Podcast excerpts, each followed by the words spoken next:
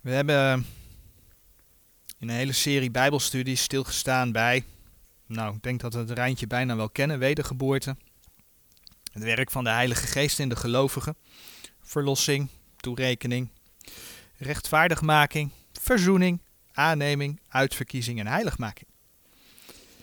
We hebben onder andere gezien dat door de wedergeboorte de mens verzegeld is met Gods geest. Dat de mens daardoor levend is geworden voor God. En dat de mens zich ook, Efeze 1, vers 13 en 14, behouden mag weten. Omdat de gelovige op dat moment de Heilige Geest als onderpand van de verkregen verlossing heeft ontvangen. Maar we hebben ook gezien dat die mens geestelijk besneden is. We hebben er toen bij stilgestaan dat de wederomgeboren gelovige het lichaam der zonde des vleeses uitgetrokken heeft. Daar kom ik straks nog op terug. Met andere woorden, de wederomgeborene leeft hier op aarde nog wel is waar, uh, waardoor hij ook te maken heeft met zijn vlees, met zijn lichaam. En dat kan hem tot zonde verleiden. Maar zijn of haar ziel is behouden. De zonden worden niet meer toegerekend. De Heer Jezus heeft ze weggedragen. En ja, de wedergeborene draagt dan ook Gods rechtvaardigheid. Dat staat heel mooi in 2 Korinthe 5, vers 21. Maar doordat dat vlees nog steeds tot, zonde verleidt, is er een strijd in het leven van de wederomgeboren gelovigen. De Heer die vraagt ons om, om het lichaam te bedwingen en tot dienstbaarheid te brengen. En daarmee kan de wederomgeborene dan loon verdienen voor de eeuwigheid. En dat is dus wat de Bijbel onder heiligmaking verstaat. Nou, de laatste keer hebben we stilgestaan bij het thema: wat maakt mij nou een Bijbelgelovige? We hebben stilgestaan bij het feit dat de Heer zegt dat we moeten spreken als de woorden Gods. We moeten niet mensen behagen, maar we moeten God behagen. We zagen hoe door het bewaren van Gods woorden, door de Statenbijbel te gebruiken, Gods bewaarde woorden voor ons hier in Nederland, maar ook door schrift met schrift te vergelijken, door het recht verdelen van Gods woord, dat de boodschap, ja, toch regelmatig anders klinkt. En ik kan niet anders zeggen, soms gewoon anders is dan men tegenwoordig veelal gewend is.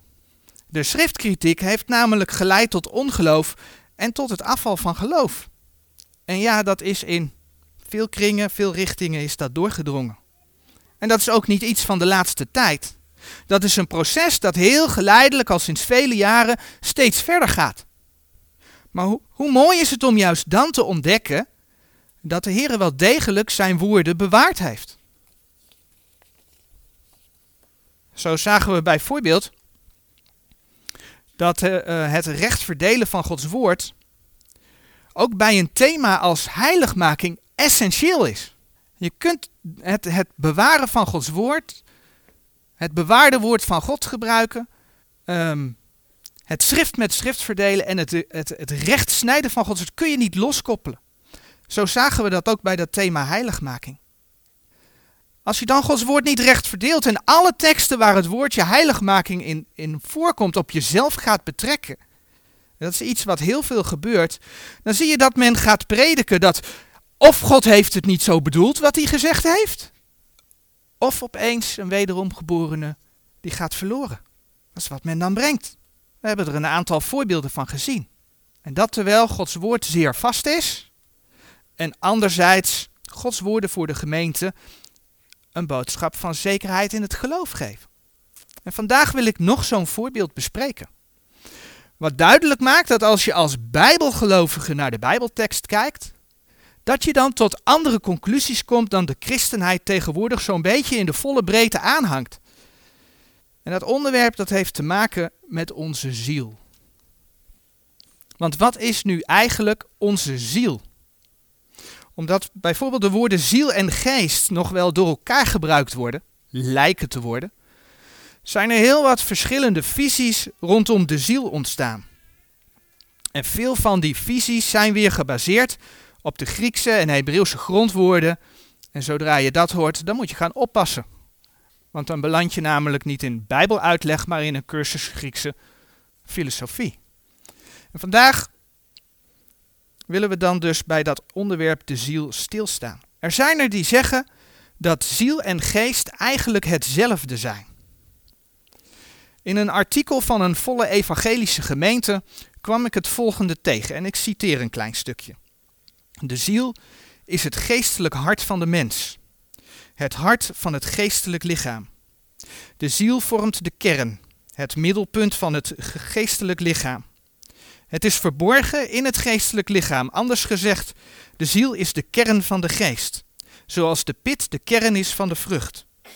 In dit beeld wordt de eenheid van geest en ziel duidelijk. Zij zijn onlosmakelijk met elkaar verbonden. Het is één onstoffelijk geheel.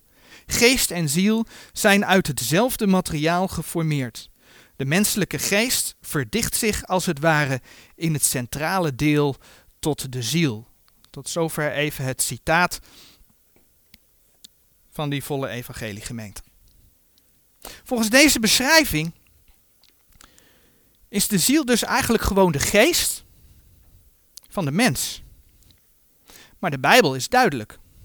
De Bijbel zegt dat de ziel wat anders is dan de geest van de mens. De Bijbel laat zien dat de mens, hè, net als de Heere God, uit drie bestaat. En een tekst als 1 Thessalonicense 5 vers 23 spreekt boekdelen. En de God des vredes zelf heilige uw geheel en al en uw geheel oprechte geest en ziel en lichaam worden onberispelijk bewaard in de toekomst van onze Heer Jezus Christus. De mens bestaat dus uit een geest en een ziel en een lichaam. En dan komt de vraag, zijn die uh, ziel en die geest dan onlosmakelijk met elkaar verbonden? Zijn zij één onstoffelijk geheel, zoals er gezegd werd? Laten we eens kijken wat de Heer in Hebreeën 4 vers 12 zegt. Hebreeën 4 vers 12.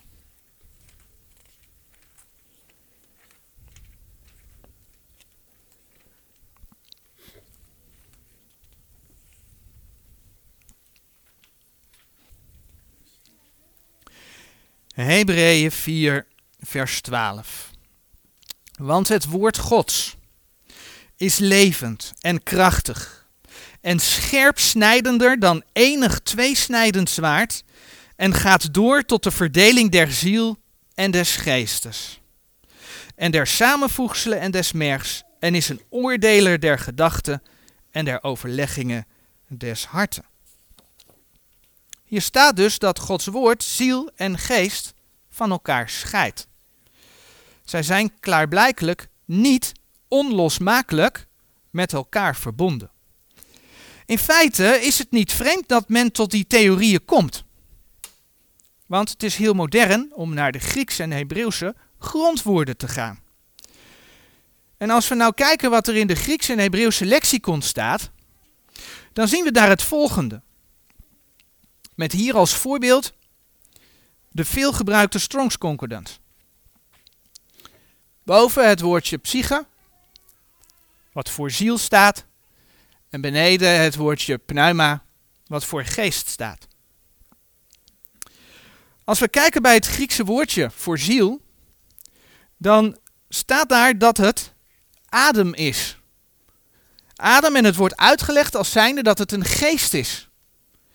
En dan wordt er verwezen naar een ander Grieks woordje, dat is pneuma. En van pneuma, wat in de Bijbel voor geest staat, zegt men dan, which is the rational and immortal soul. Dus men zegt eigenlijk dat de geest de onsterfelijke ziel is.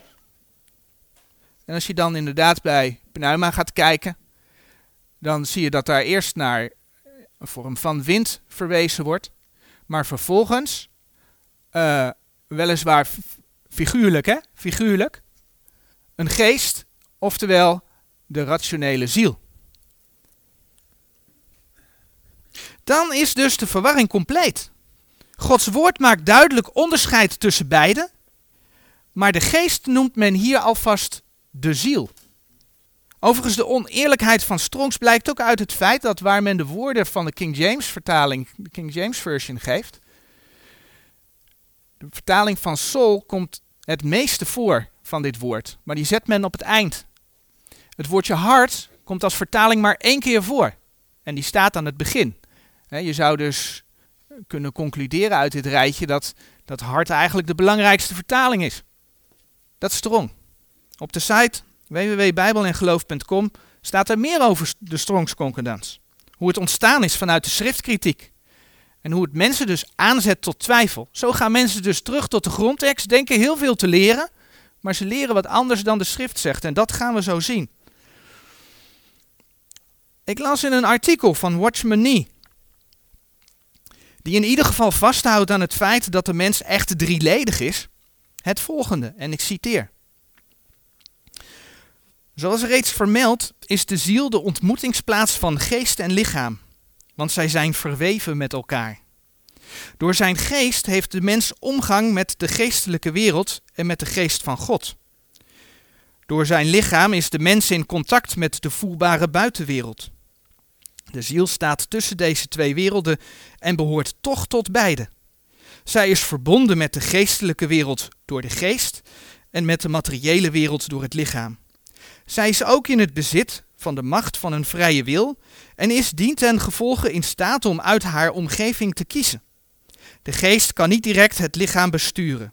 Hij heeft een tussenpersoon nodig. En die tussenpersoon is de ziel die ontstaan is doordat de geest in aanraking kwam met het lichaam. De ziel staat daarom tussen de geest en het lichaam, terwijl zij die beiden samenbindt. De geest kan het lichaam onderwerpen door de ziel als tussenpersoon, zodat het God zal gehoorzamen. Gelijkerwijs kan het lichaam door de ziel de geest verleiden de wereld lief te hebben. Nou, allereerst, nergens in de Bijbel wordt genoemd dat de ziel een tussenpersoon is. Dat vind je nergens. Zo wordt er gezegd dat de ziel de geest en het lichaam verbindt. De ziel zou kunnen kiezen voor de Here, maar ook voor het vlees. Maar wat zegt nu Gods woord over de wederom geboren gelovigen? Want die studie is geschreven voor de gelovigen. Wat zegt nu Gods woord over de gelovigen? En die versen gaan we opzoeken. Colossense 2, vers 10 en 11. Ik heb het eh, vanmorgen al heel even genoemd. Gods woord zegt namelijk dat de wederom geboren gelovige zijn lichaam der zonde des vleeses heeft uitgetrokken. Colossense 2, vers 10 en 11.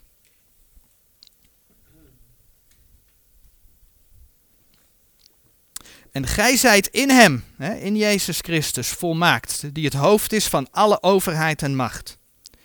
In welke gij ook besneden zijt met een besnijdenis die zonder handen geschiet, in de uittrekking van het lichaam der zonden des vleeses, door de besnijdenis van Christus.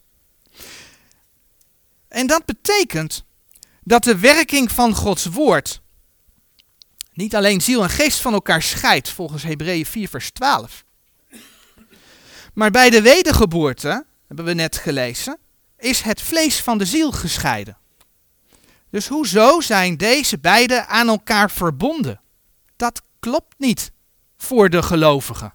Een schema, wat nog wel veel gebruikt wordt, is een schema zoals dat ook in het boek van Clarence Larkin staat. The Greatest Book on Dispensational Truth. Overigens, over het algemeen, best een goed boek. Maar dit schema staat er dan in. Ja, en wat mij dan opvalt is dat er bij de ziel natural staat. En er staat een tekst, en dat is denk ik op de dia een beetje moeilijk te lezen, maar dat is 1 Korinthe 2, vers 14. Nou, wat staat er in die tekst? Maar de natuurlijke mens begrijpt niet de dingen die des geestes God zijn. Want zij zijn hem dwaasheid en hij kan ze niet verstaan omdat zij geestelijk onderscheiden worden. Maar dat gaat helemaal niet over de ziel. Dat gaat over de natuurlijke mens, het vlees. Of over de geest van God. De natuurlijke mens is namelijk niet geestelijk, de natuurlijke mens is vleeselijk. In Efeze 2, vers 3. Komt trouwens op de dia. In Efeze 2, vers 3. Daar lezen we. onder de welke ook wij alle eertijds verkeerd hebben in de begeerlijkheden onzes vleeses, doende de wil des vleeses en der gedachten, en wij waren van nature kinderen des toorns, gelijk ook de anderen. Van nature leeft de mens dus uit het vlees. Dus hoezo? Dit plaatsen bij de ziel. Daar klopt iets niet. Verder zien we dat de poorten van een mens, de, ogen, ehm, reuk, het horen, de tastzin, uh, de tastzin en uh, de mond. De openingen waardoor informatie, dingen, het lichaam binnenkomen, dat de poorten. Van iemand die de Heilige Geest draagt, doorgaan, er zijn openingen, tot in de ziel. En zoals wij net gezien hebben in Gods woord, hebben wij ons lichaam der zonde des vlees uitgetrokken. God heeft dat van elkaar losgemaakt. En hier doen ze de poorten gewoon. Hè, ze hebben hier ook een barrière getekend. Alsof dat gescheiden is. Maar die openingen, die laat men erin. Maar laten we nu eerst eens kijken naar wat die ziel is. En dan uh, is het goed om ook even naar lichaam en geest te kijken. Het is juist het lichaam waarvan de Bijbel duidelijk maakt dat daar de zonde in woont. En dan bladeren we naar Romeinen 7. Geen onbekend gedeelte ondertussen. Maar we gaan het er toch even bij pakken.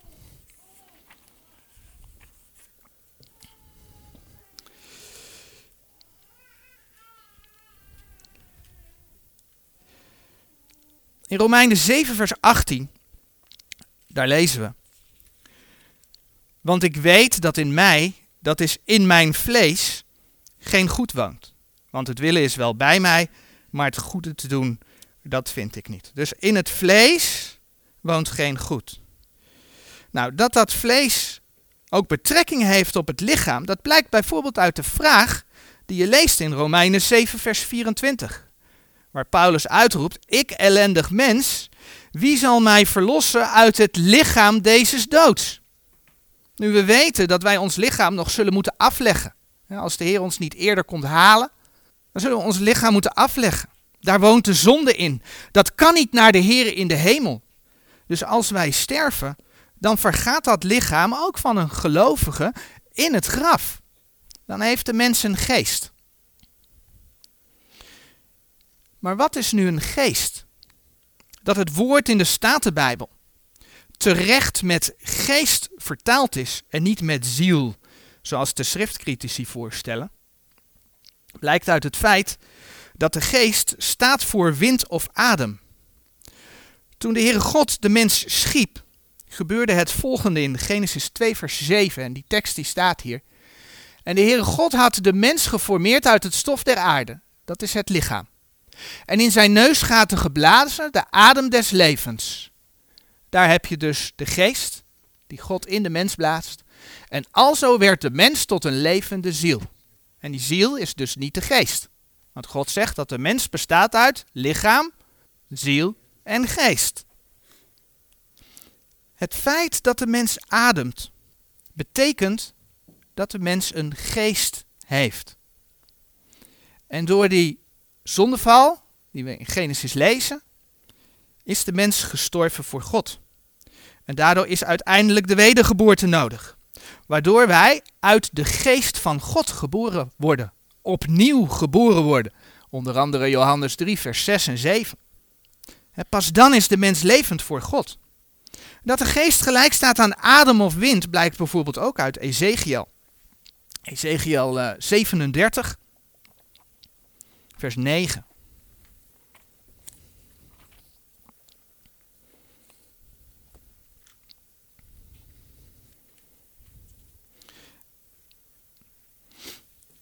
Ezekiel 37, vers 9. Gaat overigens over de, de opstanding van Israël. Maar dat doet hier even niet ter zake. Want wat we lezen in vers 9 is het volgende. En hij zeide tot mij, profiteer tot den geest. profiteer mensenkind en zeg tot hen geest, zo zegt de Heere Heere, gij geest kom aan van de vier winden en blaas in deze gedoden, opdat zij levend worden. En dan lezen we in vers 14. En ik zal mijn geest in u geven en gij zult leven. En ik zal u in uw land zetten en gij zult weten dat ik de Heere dit gesproken en gedaan heb, spreekt de Heere. Nu vinden we in Prediker 3 vers 21, en die tekst gaan we ook opzoeken, een best wel bijzonder vers. Een vers ook wat vaak ontkend wordt, want er wordt gewoon beweerd dat dieren geen geest hebben. Maar dieren hebben volgens de Bijbel een geest. Prediker 3.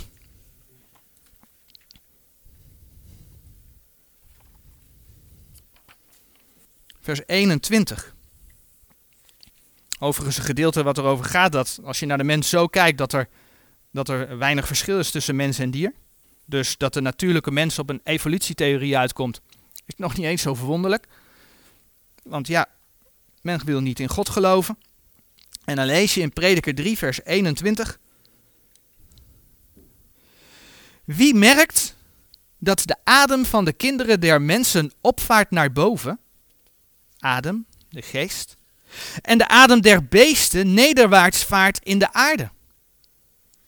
Nou gaan we het niet over de adem of de geest van de beesten hebben. We gaan het over de adem, de geest van de mensen hebben. En dan um, voegt Prediker 12 vers 7, of eigenlijk is het geen, geen toevoeging, maar een herhaling. Prediker 12 vers 7 nog eens, wat er dan voor de mens geldt.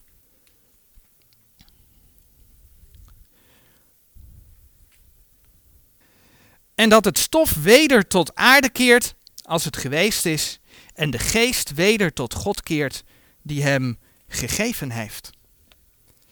Het lichaam gaat naar de aarde en wordt weer stof. Maar de geest, en we hebben het hier over de oud-testamentische situatie, waarvan we weten dat de ziel naar het hart der aarde ging, naar Abrahams schoot of naar de hel, Lucas 16, vers 19 tot en met 31, gaan we straks nog een stukje uitlezen. Maar blijkbaar keerde toen al de geest des mensen terug tot God. Blijkbaar is de geest niet bepalend voor ons als persoon. Ondanks wat we dan in Griekse concordanties vinden. Schrift met schrift vergelijken laat iets anders zien. Strong zegt gewoon dat de geest, pneuma, dat dat de ziel is. Staat niet in de Bijbel. Niet door schrift met schrift vergelijken. Maar dan blijft dus de ziel over. De ziel moet dan hetgeen zijn dat in die oud-testamentische situatie naar het hart der aarde ging. En na het lijden en sterven van de Heer Jezus naar de hemel gaat. Het feit doet zich voor dat het woordje ziel heel vaak gewoon als synoniem voor mens gebruikt wordt. Zeker in het Oude Testament. In Genesis 19, vers 20, de tekst staat op de dia, daar lees je bijvoorbeeld, zie toch, deze stad is nabij om derwaarts te vluchten. En zij is klein, laat mij toch derwaarts behouden worden. Is zij niet klein, opdat mijn ziel leven? In deze geschiedenis gaat het erom dat Lot zelf vlucht en dat hij blijft leven. In Jeremia 22, vers 25a, daar lezen we bijvoorbeeld: En ik zal u geven in de hand dergenen die uw ziel zoeken. En dat terwijl de Heer Jezus in Matthäus 10, vers 28 zegt: En vrees niet voor degenen die het lichaam doden en de ziel niet kunnen doden maar vreest veel meer hem die beide ziel en lichaam kan verderven in de hel. Nou, lichaam verderven in de hel, hoe zit dat dan? Daar hebben we ooit bij stilgestaan. Matthäus verwijst heel vaak naar het duizendjarige vrederijk. Gaan we nu niet verder op in. Het gaat er nu om dat hier staat dat mensen de ziel niet kunnen doden. De ziel is in die oud-testamentische teksten dus heel vaak synoniem met leven. En dat komt veel vaker voor kunt allerlei teksten opzoeken. Genesis 19, vers 15 en 16, nummer 23, vers 10, nummer 30, vers 20, tot in het Nieuwe Testament toe, Romeinen 11, vers 3. En je komt tegen dat het woordje ziel, omdat het dus synoniem is met leven, ook voor dieren wordt gebruikt. Bijvoorbeeld in Genesis 1, vers 20 en nummer 31, vers 28. Maar ook in het Oude Testament is de ziel meer dan alleen lichamelijk leven. Het Oude Testament geeft wel degelijk onderscheid. In Genesis 35, vers 18, daar lezen we bijvoorbeeld. En het geschiedde als haar ziel uitging, want zij stierf, dat zij zijn naam noemde Ben-Oni, maar zijn vader noemde hem Benjamin. Als haar ziel uitging. Toen Rachel stierf, want het gaat hier over Rachel, ging haar ziel uit haar. Of Job 14, vers 22, dat zegt, maar zijn vlees uh, nog aan hem zijnde heeft smart en zijn ziel in hem zijnde heeft rouw. Vlees aan hem, ziel in hem. Andere voorbeelden vind je in Psalm 43, vers 5 of 1 Koningen 17, vers 21 en 22. De context van het vers moet dus duidelijk maken of het woordje ziel de mens of het leven betekent. Of dat het daadwerkelijk over de ziel in de mens gaat. Maar wat is die ziel dan? Bladeren we naar Openbaring 6. Openbaring 6.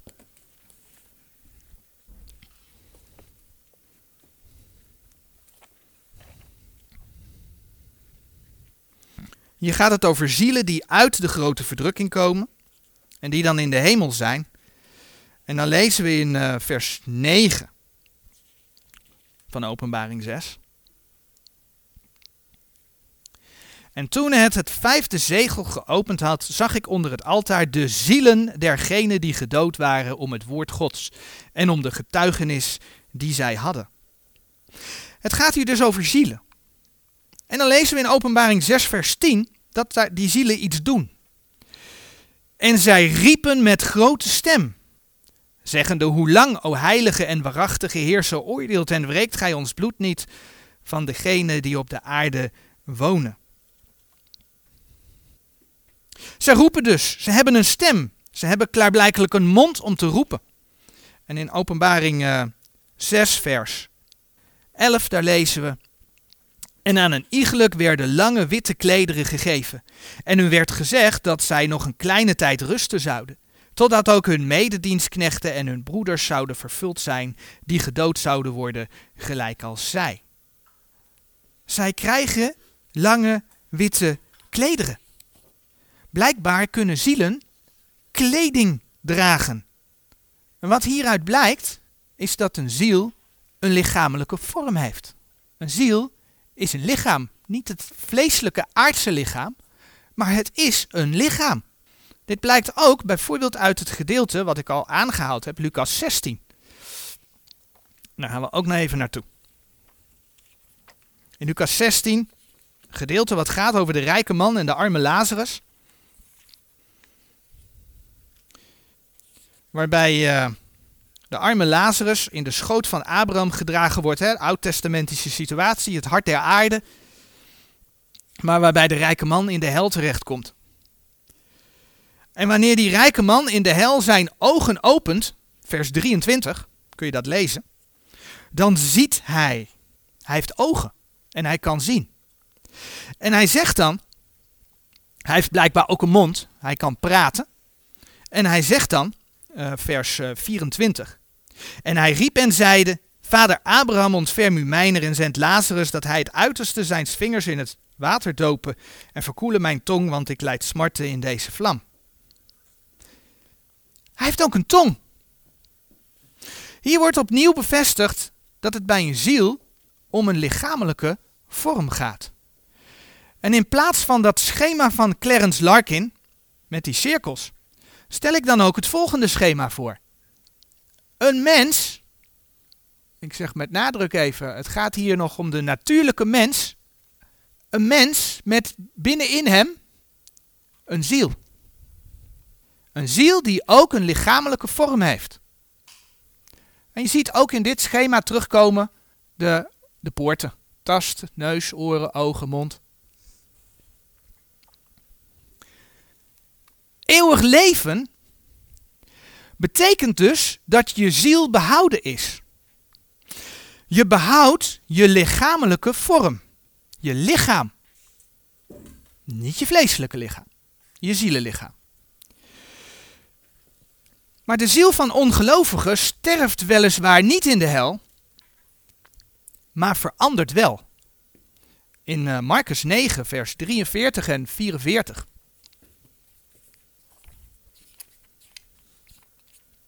Daar lezen we.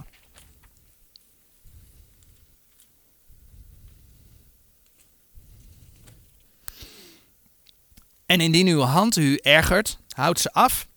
Het is u beter verminkt tot het leven in te gaan, dan twee handen hebbende heen te gaan in de hel, in het onuitblusselijk vuur, waar hun worm niet sterft en het vuur niet uitgeblust wordt.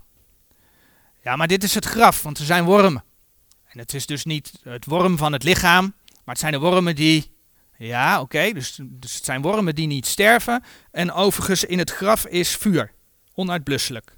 Uh -huh, nee, dus. Blijkbaar gaat het wel over de hel. En in de hel leven niet de wormen die het lichaam verteren. Het gaat ook over hun worm. De menselijke ziel vergaat dus eigenlijk. Blijft wel leven, maar vergaat. Van de Heer Jezus, die voor ons, handelingen 2, vers 27 en 31, ter helle is afgedaald, staat in de Lijdenspsalm, psalm 22, vers 7. En de tekst staat hier op de dia. Maar ik ben een worm en geen man, een smaad van mensen en veracht van het volk. Maar de Heer Jezus is opgestaan. Hij is niet verlaten in de hel, staat er in Handelingen 2, vers 31. En heeft de dood overwonnen. Voor dat vers kun je ook nog kijken in Jesaja 53, vers 12.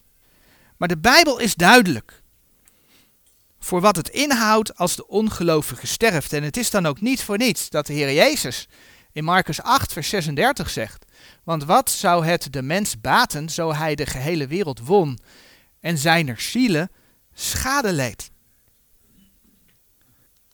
Wat je met name in het Oude Testament ziet, is dat als de mens zondigde, dat zijn ziel ook zondigde.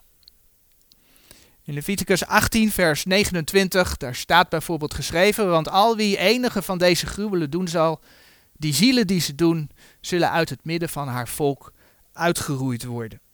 Hier zou je kunnen zeggen: ja, maar die zielen staan hier voor personen. Maar kijk dan eens in nummer 5, vers 6. Spreek tot de kinderen Israëls wanneer een man of vrouw iets van enige menselijke zonde gedaan zullen hebben, overtredende hebben door overtreding tegen de Heer, zo is diezelfde ziel schuldig. Of Ezekiel 18, vers 4. Zie, alle zielen zijn mijne, gelijk de ziel des vaders, also ook de ziel des zoons zijn mijne. De ziel die zondigt, die zal sterven. Hier wordt over de ziel van de vader en de ziel van de zoon gesproken. En de ziel die zondigt, die zal sterven. Waar het nu om gaat, is dat het synoniem zo ver doorgaat dat inderdaad blijkt dat als de mens zondigde, dat het tevens voor de ziel gold. En hoe zien we dan dat in het Oude Testament het volk Israël, door niet te luisteren naar de Here, een onbesneden hart heeft? Leviticus 26, vers 41 gaan we even opzoeken.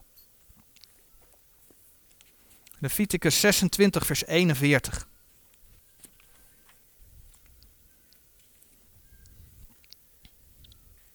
En dan lezen we dan dat ik ook met hen in tegenheid gewandeld en hen in het land hunner vijanden gebracht zal hebben.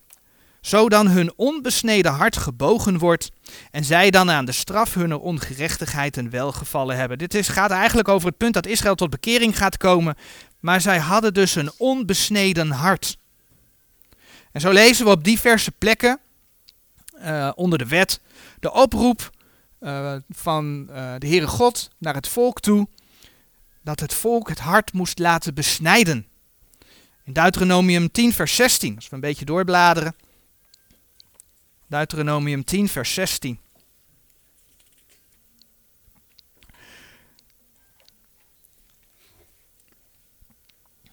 Deuteronomium 10, vers 16.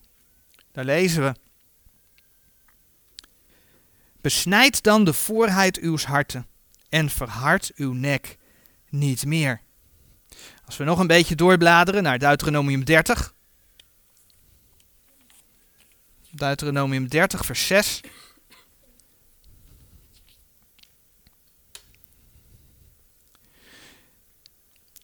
En de Heere uw God zal uw hart besnijden en het hart van uw zaad om de Heere uw God lief te hebben met uw ganse hart en met uw ganse ziel, opdat gij leeft.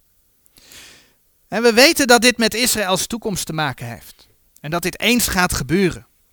Maar wij, als leden van zijn gemeente, zijn besneden.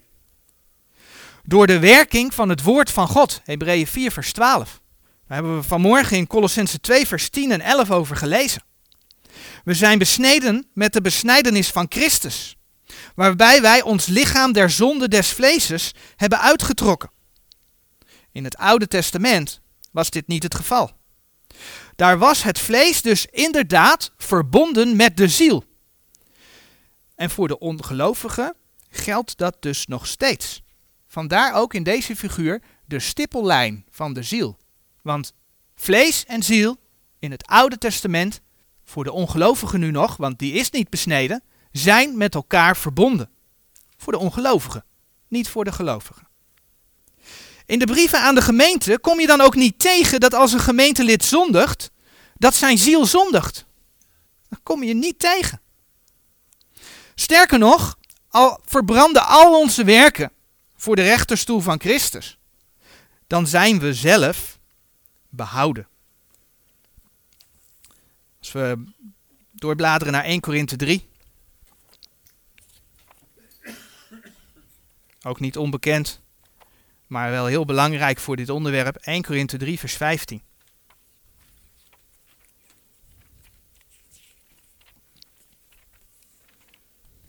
Zo iemands werk zal verbrand worden, die zal schade lijden. Maar zelf zal hij behouden worden, doch al zo als door vuur. Met andere woorden, onze ziel ondervindt geen gevolgen meer van de zonde. En als ik dan naar een figuur toe ga voor de wederom geboren mens, dan kom ik op zoiets uit. Geen stippellijn, maar een doorgetrokken barrière, omdat God vlees en ziel van elkaar losgesneden heeft. Het is dan ook niet voor niets dat wij Gods rechtvaardigheid kunnen dragen. Hè? 2 Korinthe 5 vers 21. Dat kunnen wij niet omdat wij zulke helden zijn met ons vlees. Nee, want we zondigen. Maar God heeft ons vlees losgesneden van onze ziel. Onze ziel is behouden en daardoor kunnen wij Gods rechtvaardigheid dragen. En ja, wij kunnen schade lijden. Maar dat is niet aan onze ziel zelf. Dat is dan omdat we geen loon en kroon krijgen. En een deel van de erfenis in het koninkrijk missen. De tekst hebben we of de vorige keer of de keer daarvoor nog bij stilgestaan. 2 Timotheus 2 vers 11 en 13. Maar zojuist hebben we ook over het hart gelezen. En wat is nu weer het hart? In een van de citaten lazen we dat de ziel het hart van het geestelijk lichaam zou zijn. Maar de Bijbel laat dus zien dat de ziel zelf het geestelijk lichaam is. Is het hart dan wat anders? Nou, bijvoorbeeld in Lucas 10, vers 27, daar lezen we, en hij antwoordde de, en zeide, Gij zult de Heer uw God lief hebben, uit geheel uw hart en uit geheel uw ziel. En uit geheel uw kracht en uit geheel uw verstand en uw naaste als uzelf. Voor dit soort versen kun je ook kijken in Deuteronomium 4 vers 29, 11 vers 18, Matthäus 22 vers 37. We moeten de Heer dus lief hebben, zowel met ons hart als met onze ziel. Dus beide zijn klaarblijkelijk wat anders. En een mooi vers waaruit blijkt wat er in het hart van de mens gebeurt, is bijvoorbeeld Genesis 6 vers 5. En die gaan we even opzoeken. Genesis 6 vers 5.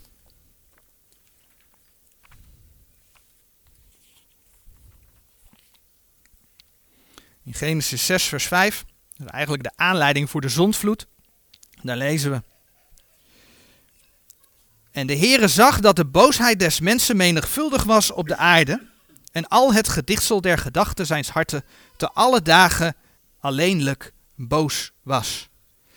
En als we dan naar 1 Kronieken doorbladeren, 1 Kronieken 28 vers 9.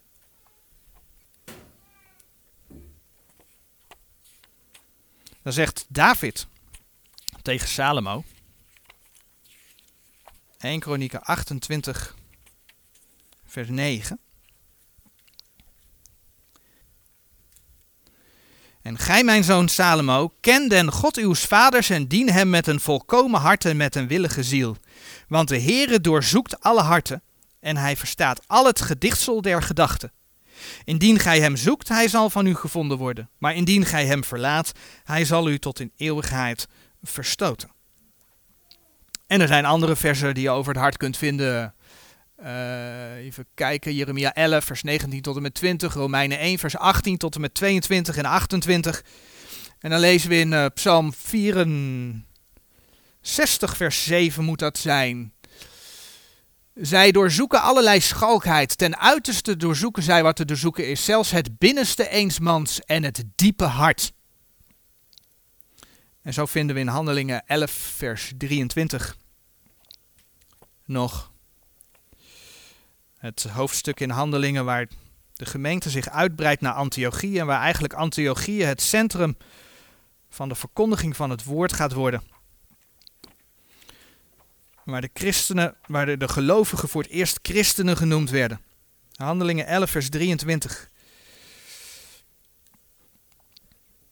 De welke daar gekomen zijnde en de genade God ziende werd verblijd en vermaande hen alle dat zij met een voornemen des harten bij de Here zouden blijven. Het hart heeft dus te maken met het innerlijk leven van de mens. Zijn gedachten, hoe hij over zichzelf en over de ander denkt. Maar ook zit de wil van de mens in het hart. En daar kun je ook 1 Korinthe 7 vers 37 en 2 Korinthe 9 vers 6 bij opzoeken. Het hart kan een voornemen nemen. Het hart heeft ook met de geest te maken. In Psalm 51, vers 19, daar lezen we: De offeranden God zijn een gebroken geest. Een gebroken en verslagen hart zult gij, o God, niet verachten. Hieruit zou je kunnen opmaken dat hart en geest hetzelfde zijn. Maar het hart is niet helemaal gelijk aan de geest. In Psalm 77, vers 7, daar lezen we: Ik dacht aan mijn snarenspel, in de nacht overlegde ik in mijn hart en mijn geest onderzocht. En in Spreuken 15, vers 13 staat geschreven: Een vrolijk hart zal het aangezicht blijde maken, maar door de smart des harten wordt de geest verslagen. Ik geloof dat onze geest zich in ons hart bevindt. En zo direct zal dat nog wat duidelijker worden, denk ik. Het hart, en dan kun je al die teksten bij opzoeken wat ik nu uh, ga noemen, van Jeremia 17 vers 9 tot en met Colossense 3 vers 15. Maar het hart is arglistig. Het hart kan blij zijn. Het kan trots zijn. Het kan schrikken. Het kan toegenegen zijn. Het kan bedroefd zijn. Het kan benauwd zijn. Het hart kan verhard worden, maar het hart kan ook week worden. Het hart kan zich verheffen. Het hart kan verleid worden. Het hart kan geloven. Het hart kan de Heere vrezen. Het hart kan vreugde hebben. Het hart kan de vrede Gods hebben. En nog veel meer. En in het Oude Testament laat de Heere reeds zien dat hij een hart wijs kan maken. Toen men de tabernakel ging maken, waren er bepaalde mensen die de voorwerpen en zo gingen maken voor de tabernakel. En van hen staat bijvoorbeeld in Exodus 31, vers 3: En ik heb hem vervuld met de geest Gods. Met wijsheid en met verstand en met wetenschap, namelijk in alle handwerk. Mag je ook niet zeggen, want oh oh, mensen in het Oude Testament vervuld met Gods geest, het staat er hè. Ik heb hem vervuld met de geest Gods. Dat deed God ook in het Oude Testament. Alleen ze hadden geen zekerheid dat die geest ook bleef. Dat is het verschil met de gemeente. Andere teksten waar je dat kunt vinden, Exodus 28 vers 3 en Exodus 36 vers 2. Zo vroeg koning Salomo, niet om rijkdom of een lang leven, maar hij vroeg om een verstandig hart. En waarom vroeg hij dat? 1 Koningen 3 vers 9, om te onderscheiden tussen goed en kwaad. En zoals de Heere God dus reeds in het Oude Testament de Heilige Geest zelfs in de harten van mensen gaf, zo geeft Hij ons nu de Heilige Geest als onderpand, hè, als zekerstelling in onze harten.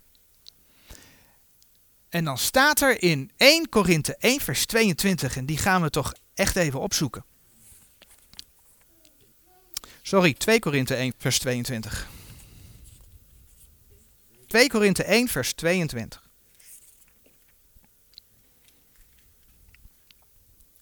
Die ons ook verzegeld heeft en het onderpand des geestes in onze harten gegeven.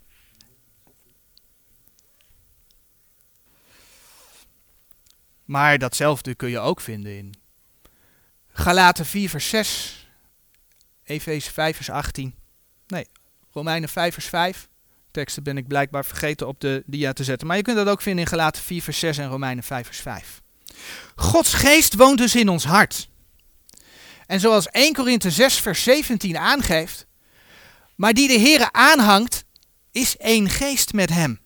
En een mooi gedeelte wat daarover gaat is Efeze 3, en dat, dat gaan we ook opzoeken, Efeze 3 vers 16, vanaf vers 16.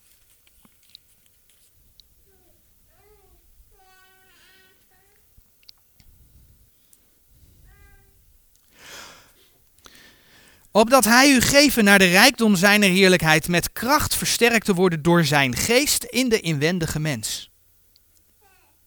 Opdat Christus door het geloof in uw harten wonen en gij in liefde geworteld en gegrond zijt. Opdat gij ten volle kondet begrijpen met al de heiligen, welke de breedte en lengte en diepte en hoogte is, en bekennen de liefde van Christus die de kennis te boven gaat. Opdat gij vervuld wordt tot al de volheid Gods. Ja, Gods geest wil ons vervullen. Dat is Efeze 5, vers 18. Lucas 11, vers 13 spreekt er ook over.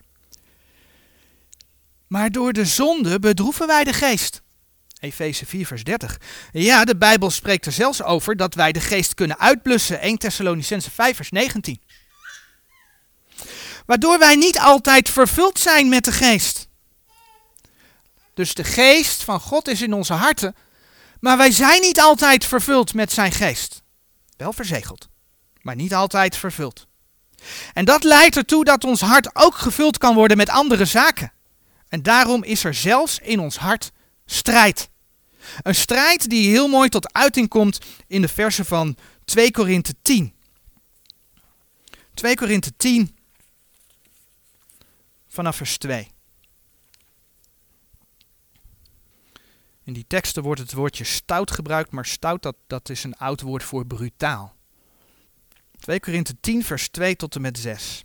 Ik bid dan dat ik tegenwoordig zijnde niet stout mogen zijn met die vrijmoedigheid waarmede ik geacht word stoutelijk gehandeld te hebben tegen sommigen die ons achten alsof wij naar het vlees wandelden. Want wandelende in het vlees voeren wij de krijg niet naar het vlees.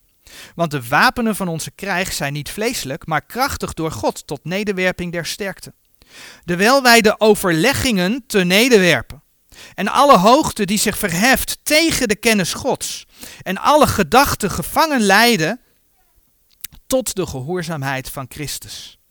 En gereed hebben hetgeen dient om te wreken alle ongehoorzaamheid, wanneer uw gehoorzaamheid zal vervuld zijn. Zie daarom een strijd in het hart, het hart dat verkeerde keuze kan maken. Zie daarom waarom Hebreeën 4 vers 12 ook spreekt over het feit dat ziel en geest van elkaar gescheiden zijn. En of het hart precies de geest omvangt, of misschien ook nog doorloopt in een deel van de ziel terwijl de geest losgesneden is, ik weet het niet exact. Maar feit is dat heiligmaking inhoudt dat wij in ons hart een wilsbeslissing nemen om de Here te dienen en niet ons vlees te dienen. De ziel bemiddelt daar niet in. De ziel bemiddelt daar niet in. Anders zou onze ziel een verkeerde keus kunnen maken. Zou onze ziel zondig zijn. Maar onze ziel is niet onder de invloed van de zonde, want die is behouden. Onze ziel gaat niet door het vuur. Dan zouden we dus alsnog verloren kunnen gaan. Ons vlees is dat wel. Besmet. Onze geest kan ook besmet raken. We hebben het net over, hè? het hart kan verkeerde keuze maken. Nou, onze geest kan ook verkeerde, in, in onze geest kunnen ook verkeerde beslissingen genomen worden, dus die kan ook besmet raken. In 2 Korinthe 7 vers 1, daar staat geschreven, Terwijl wij dan deze belofte hebben, geliefde, laat ons onszelf reinigen van alle besmetting des vleeses en des geestes, voleindigende de heiligmaking in de vreze Gods. Niet van de ziel, maar wel van het vlees en van de geest. Die poortjes, die ook in dit figuur staan, van de ogen, de oren, de neus, de mond, de tastzin, hè, waarmee het lichaam dingen in zich opneemt. Die zijn open voor ons vlees, maar hebben geen effect op onze ziel. In Matthäus 6 staat ook op de dia, vers 22 tot en met 23, daar lezen we. De kaars des lichaams is het oog. Indien dan uw oog eenvoudig is, zo zal uw gehele lichaam verlicht wezen. Maar indien uw oog boos is, zo zal geheel uw lichaam duister zijn. Hier wordt heel specifiek over de effecten van het oog op het lichaam gesproken. Alhoewel dit in feite nog onder de wet gezegd wordt, Matthäus. Zo is bijvoorbeeld het kijken, mannen, vrouwen onderling, bekijken van met bepaalde ogen van mannen naar vrouwen, overspel in het hart, zegt Matthäus 5, vers 28. Wat wij zondigen met onze leden, daarvoor wordt in ons binnenste een beslissing genomen. Maar de ziel is hier vrij van. Wij dragen de rechtvaardigheid Gods in de Heer Jezus. Maar wij blussen wel Gods geest uit. En daarom moeten we vergeving vragen. En Johannes 1, vers 9. Vragen of de Heer ons opnieuw wil vervullen met zijn geest. Zodat we hier weer de juiste keuzes kunnen maken. Maar wij kunnen er ook voor kiezen om de poorten van ons vlees te gebruiken tot eer van de Heer. Oftewel ons lichaam bedwingen. 1 Korinthe 9 vers 27. En gebruiken als wapenen der gerechtigheid. Romeinen 6 vers 13. En dat kunnen we bijvoorbeeld doen door onze mond, ogen, oren te gebruiken voor bijvoorbeeld het woord van God. En een laatste stukje wat ik dan wil lezen vandaag komt uit Spreuken, Spreuken 4.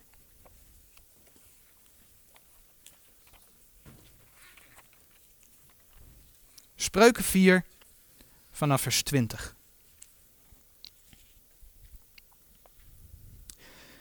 Mijn zoon, merk op mijn woorden. Neig uw oor tot mijn redenen. Laat ze niet wijken van uw ogen. Behoud ze in het midden uws harten. Want zij zijn het leven degene die ze vinden en een medicijn voor hun gehele vlees. Behoed uw hart boven al wat te bewaren is, want daaruit zijn de uitgangen des levens. Doe de verkeerdheid des monds van u weg en doe de verdraaidheid der lippen verre van u. Laat uw ogen rechtuit zien en uw oogleden zich recht voor u heen houden. Weeg de gang uws voets en laat al uw wegen wel gevestigd zijn. Wijk niet ter rechter of ter linkerhand. Wend uw voet af van het kwade. Ik hoop dat duidelijk is, op basis van uh, dat op basis van de schriftkritiek veel al een heleboel over geest, ziel en lichaam geroepen wordt. En dat dat vaak leidt tot onbijbelse standpunten. En het verdraaien van Gods woord. Terwijl als we als bijbelgelovigen schrift met schrift vergelijken, we zien dat Gods woord zulke duidelijke dingen te zeggen heeft, die in zijn geheel, met alles wat hij zegt over rechtvaardigheid dragen, over zijn geest die in, onze harten uitgestort is, dat we verzegeld zijn, behouden zijn, noem het maar op, dat het in zijn geheel gewoon klopt. Gods woord is gewoon geweldig. Tot zover. Amen.